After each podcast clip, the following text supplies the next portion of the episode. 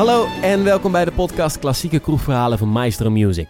Elke aflevering vertel ik jou een verhaal over een klassiek stuk of een componist waarmee jij indruk kan gaan maken in de kroeg. Want jij weet ineens alle leuke weetjes over Beethoven, Mozart en Chopin. En vandaag wil ik het met je hebben over de Symphonie Fantastique van Hector Berlioz.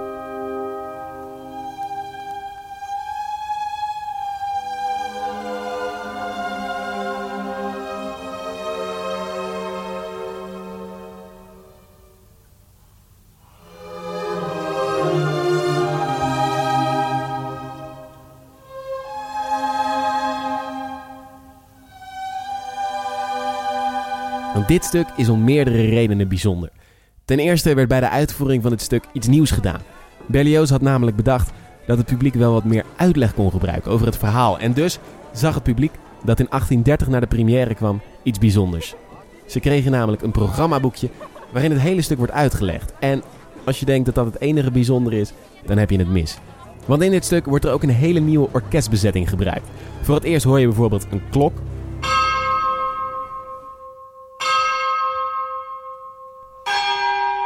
En je hoort maar liefst vier harpen.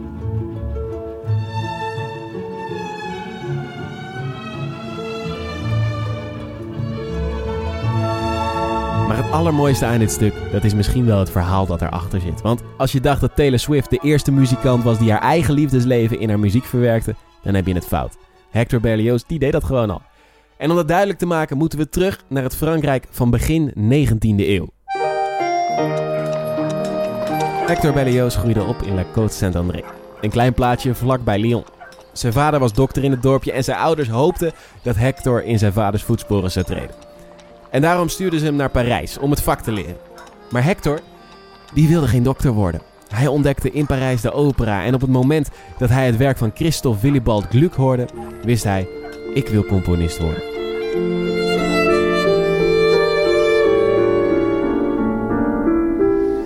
Hij liet de doktersopleiding links liggen en ging naar het conservatorium. En daar leerde hij het werk van Goethe, van Beethoven en ook van Shakespeare kennen.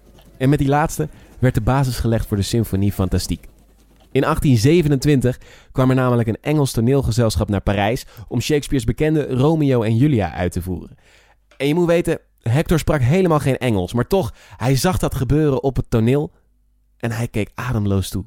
Vooral vanwege de hoofdrolspeler Harriet Smithson.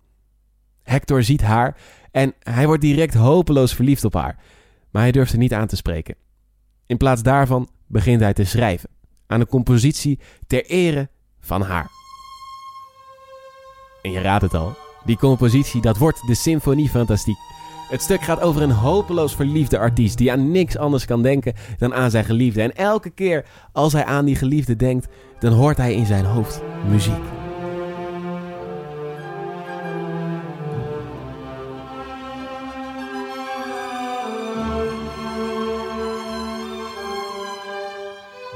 En elke keer als de hoofdpersoon aan zijn geliefde denkt, dan hoort hij deze muziek. En daarmee gebruikt Hector Berlioz als een van de eerste een idee fix, of zoals Wagner het later gaat noemen, een leidmotief. Een stuk muziek dat gekoppeld wordt aan een gevoel of aan een persoon. En in dit geval de geliefde.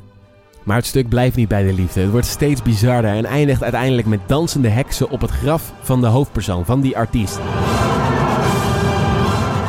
Maar gelukkig voor Berlioz vindt het publiek het prachtig en hij krijgt na de première een lang staand applaus.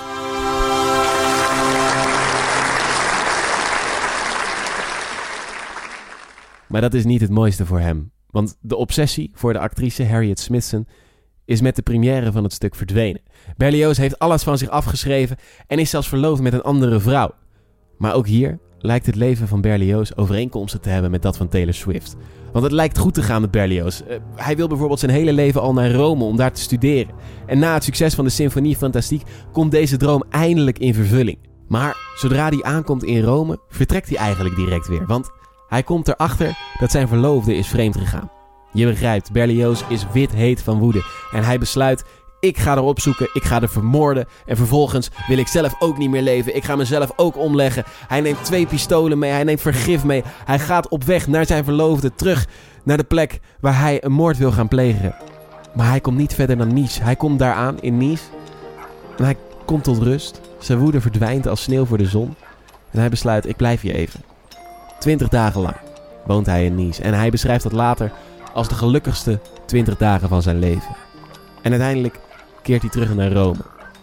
En dan vraag je je misschien af: komt er nog een happy end? En dan zeg ik ja en nee. Want op een gegeven moment komt Berlioz in contact met een Engelse actrice, een zekere Harriet Smithson.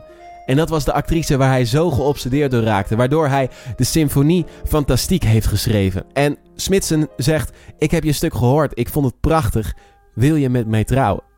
En natuurlijk zegt Berlioz direct ja.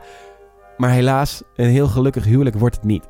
Smithson was namelijk niet meer de succesvolle actrice van een paar jaar daarvoor. Ze had een hoop schulden en was ook nog eens alcoholist. Na zeven jaar huwelijk besluiten ze dan ook gescheiden van elkaar te gaan leven. En nog eens veertien jaar later overlijdt Smithson. Gelukkig voor Berlioz had hij tegen die tijd een nieuwe vriendin. Maar hij was wel gestopt met datgene waar hij ooit zo naar gehunkerd had: het schrijven van composities. En dat komt niet omdat hij in de muziekwereld te weinig erkenning kreeg. Sterker nog, de hele muziekwereld was gek op zijn muziek. Maar alleen in zijn eigen land, in Frankrijk, scoorde hij niet zo. Hij raakte wat verbitterd en daardoor leefde hij zijn laatste jaren afgesloten van de rest van de wereld. Alleen met zijn zoon, die hij had overgehouden aan de gelukkige jaren met Smithson, had hij vaak contact. Maar toen zijn zoon op 1867 op Cuba stierf, was Berlioz gebroken.